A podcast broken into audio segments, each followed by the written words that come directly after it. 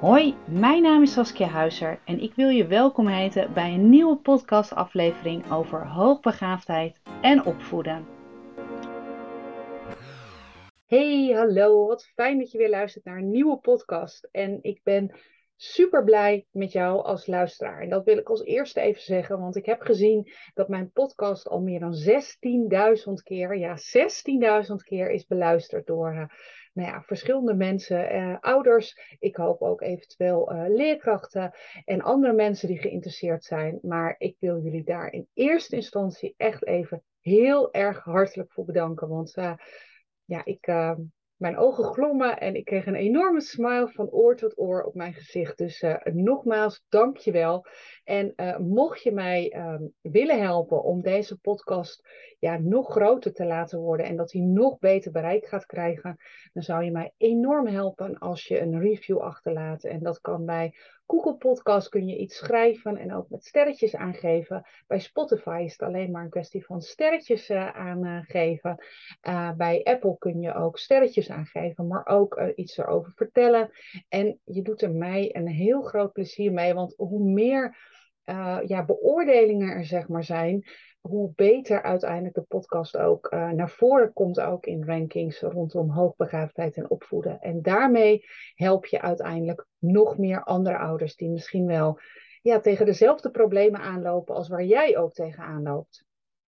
Nou, vandaag, um, mijn podcast gaat vandaag over een vraag die ja, heel vaak terugkomt. Uh, ik heb eigenlijk net vorige week ook een meisje getest. En uh, het meisje is vastgesteld uh, uh, hoogbegaafd. Althans, ze zit net rond de 130. Maar als je kijkt naar het betrouwbaarheidsprofiel, dan valt ze in de range ja, boven de 130. En dit meisje wordt niet altijd gezien op school. Of eigenlijk niet gezien op school, zoals ouders aangeven en ook dit meisje. Want, zegt school, uh, en ik hoor dit allemaal vanuit het perspectief van de ouders, dat wil ik er wel altijd bij zeggen. Um, ja, ze laten het in de klas niet zien.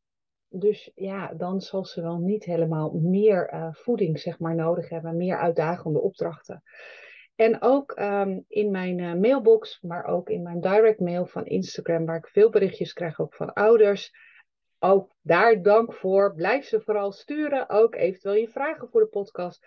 Maar krijg ik ook vaak te horen. Ja, mijn kind vertoont enorm veel kenmerken. Dus als je kind nog niet vastgesteld hoogbegaafd is, vertoont dus heel veel kenmerken. Maar uh, ja, ik merk dat het op school niet herkend of erkend wordt.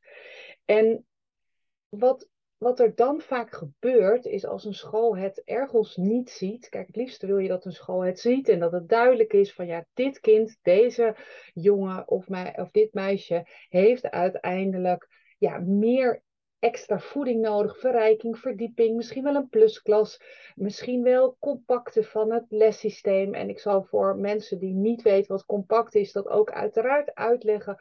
Compact is, ik ik zeg het even in Jip en Janneke taal, maar eigenlijk dat je korting krijgt op uh, alle lesstof wat normaal uh, de rest van de groep moet doen.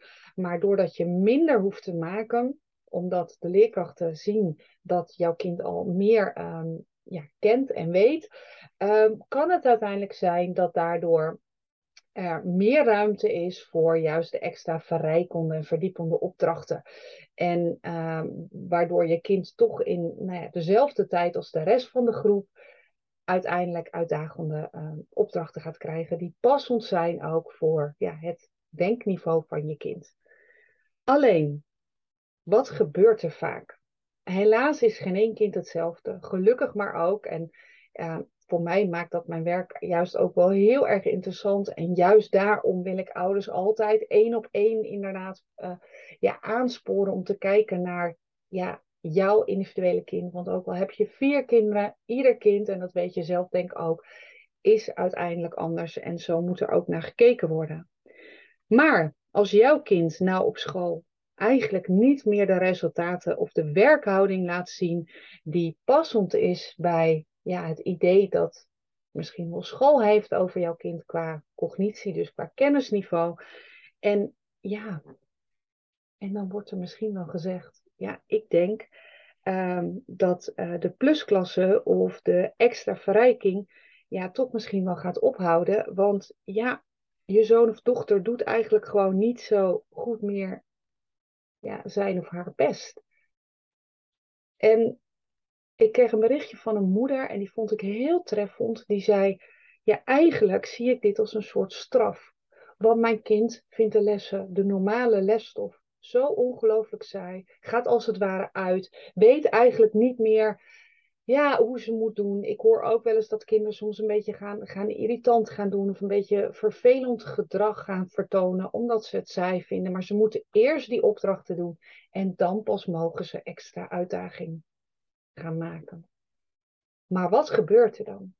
Tijdens het, uh, eigenlijk het moment dat je kind ja, die makkelijke opdrachten gaat doen. En dus niet meer zijn of haar best gaat doen, omdat hij denkt: ja, nou, ik weet niet wat dit is, maar uh, toedeledokie hiermee. Ik heb hier gewoon, ja, ik heb hier geen zin in. Of ik begrijp dit al lang. En dan, ik bespreek het wel eens met kinderen dat eigenlijk dan de hersenen een soort van uitgaan. Die willen eigenlijk niet, want de hersenen willen het liefst gekraakt worden. Die willen, die willen aan de slag, die willen werken. En zeker kinderen die nog niet aan het onderpresteren zijn, die willen ook heel graag dat hun hersenen ja, aangaan en, en dat er gewerkt moet worden. Heel even een, een, kleine side note. Kinderen die onderpresteren kunnen dit ook willen, maar daar gaat het vaak wat moeilijker mee. Die vinden het eigenlijk weer moeilijk om sowieso die hersenen weer aan te zetten. Dat is absoluut wel mogelijk om dat te doen. Daar kan ik jou als ouder eventueel mee ondersteunen. Maar ik wil dat wel even benoemen, dat dat soms iets ingewikkelder gaat. Want die ja, staan als het ware al uit. Maar wat gebeurt er dan als zo'n leerkracht inderdaad zo'n opmerking maakt? En misschien zegt deze leerkracht het tegen jou als ouder. Uh, en dat is ergens nog wel fijn dat het niet rechtstreeks tegen jouw uh, kind gezegd wordt. Want dit motiveert of demotiveert eigenlijk jouw kind uh, enorm. En dat wil je gewoon niet hebben.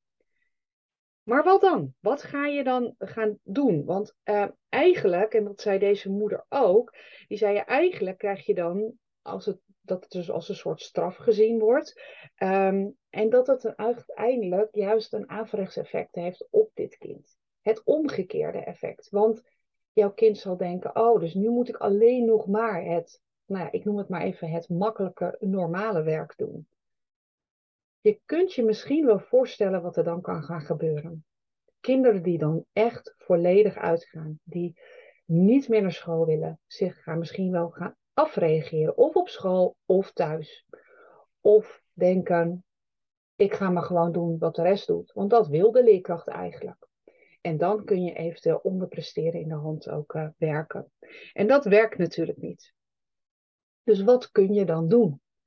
Nou, sowieso eh, toch het gesprek aangaan met school. En als het in een 10 minuten gesprek is, dan kan ik me voorstellen dat er te weinig tijd is om met de leerkracht hier goed over te praten.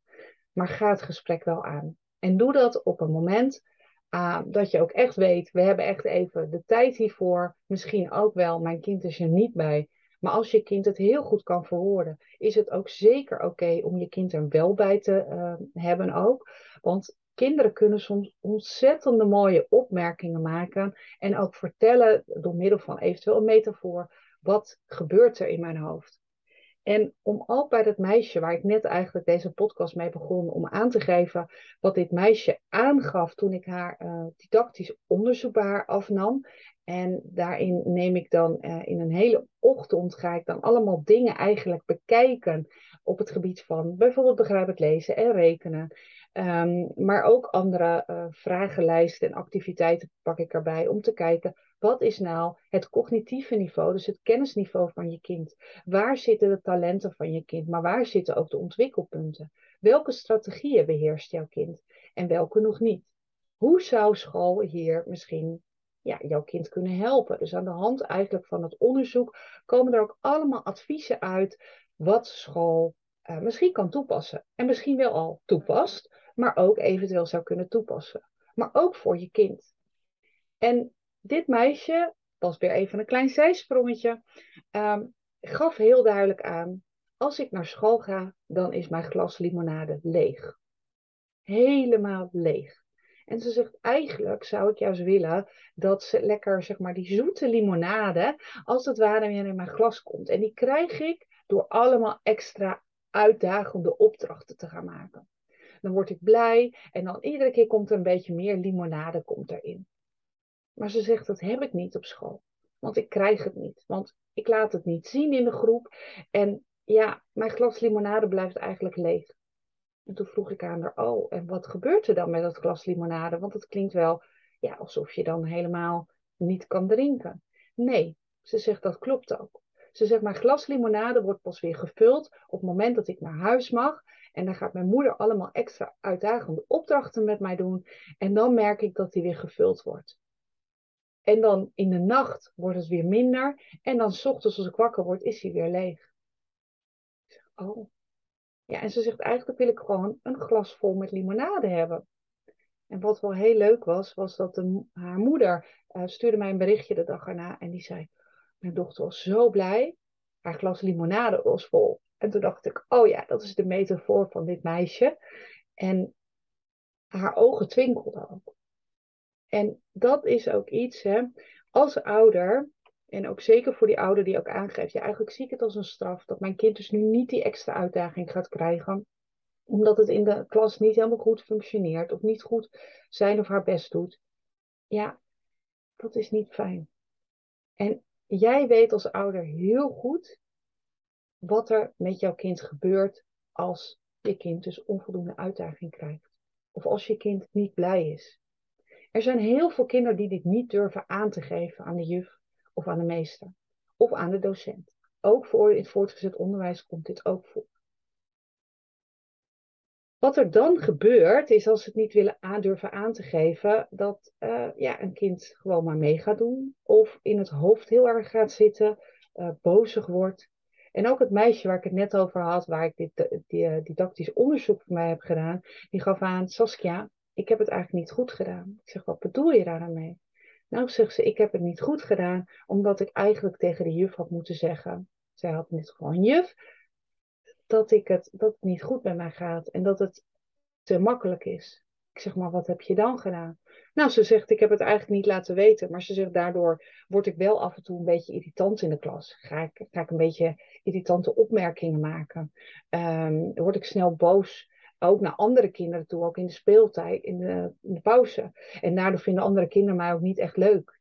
En speel ik ook niet zoveel met andere kinderen. Dus kinderen gaan op een andere manier het ergens afreageren. En het is niet altijd zo, maar het wordt vaak thuis gedaan, omdat een kind zich daar ja, veilig voelt. En ook weet van, nou, ik mag daar boos zijn, ik mag verdrietig zijn.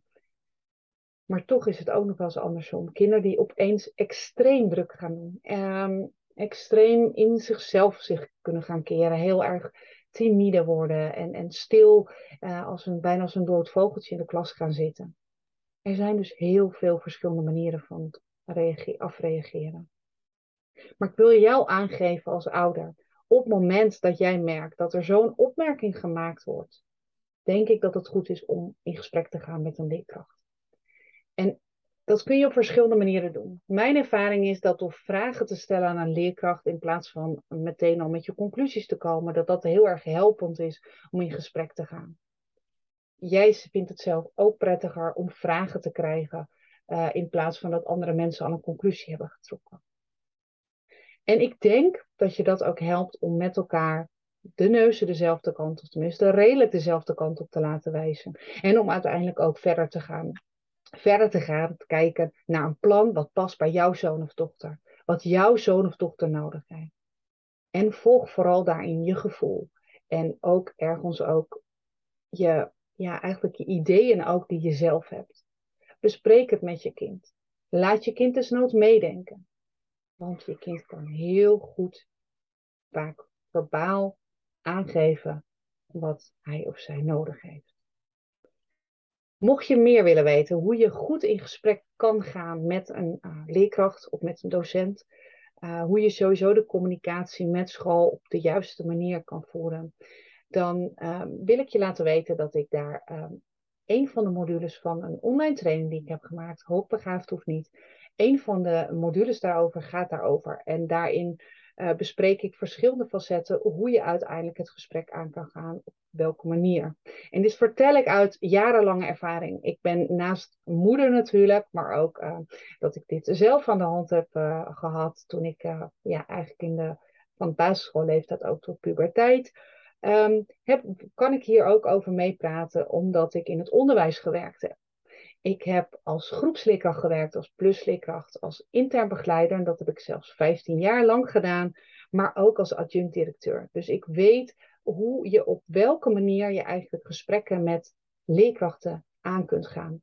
En um, ook met school sowieso. En wat dan ook effectief is. Want school probeert ook het beste te doen voor een kind. En ook al is de kennis er niet altijd rondom hoogbegaafdheid, je kunt dit wel met elkaar, ja, eigenlijk samen dit, deze, ja, dit avontuur aangaan. En ik hoop dat in mijn training, dat je in ieder geval genoeg tips en tools krijgt ook om ja, daar weer iets mee te gaan doen en stappen te kunnen zetten. Uiteindelijk voor jouw kind. In de show notes uh, bij deze podcast zal ik de link naar die trainingen door erbij zetten, zodat je die, uh, ja, mocht je interesse hebben, ook eventueel uh, kunt kopen. Um, nou, nogmaals, zoals ik al begon, ik ben je heel erg dankbaar dat je naar deze podcast luistert. Uh, super fijn als je na het luisteren van deze podcast een, review achter wil laten. En uh, volg mij op Instagram en stuur gerust je vragen via Instagram, via direct mail naar mij toe. Of neem contact op via de mail. En dan beloof ik je dat ik je in ieder geval een antwoord ga geven. Dankjewel en tot een volgende podcast.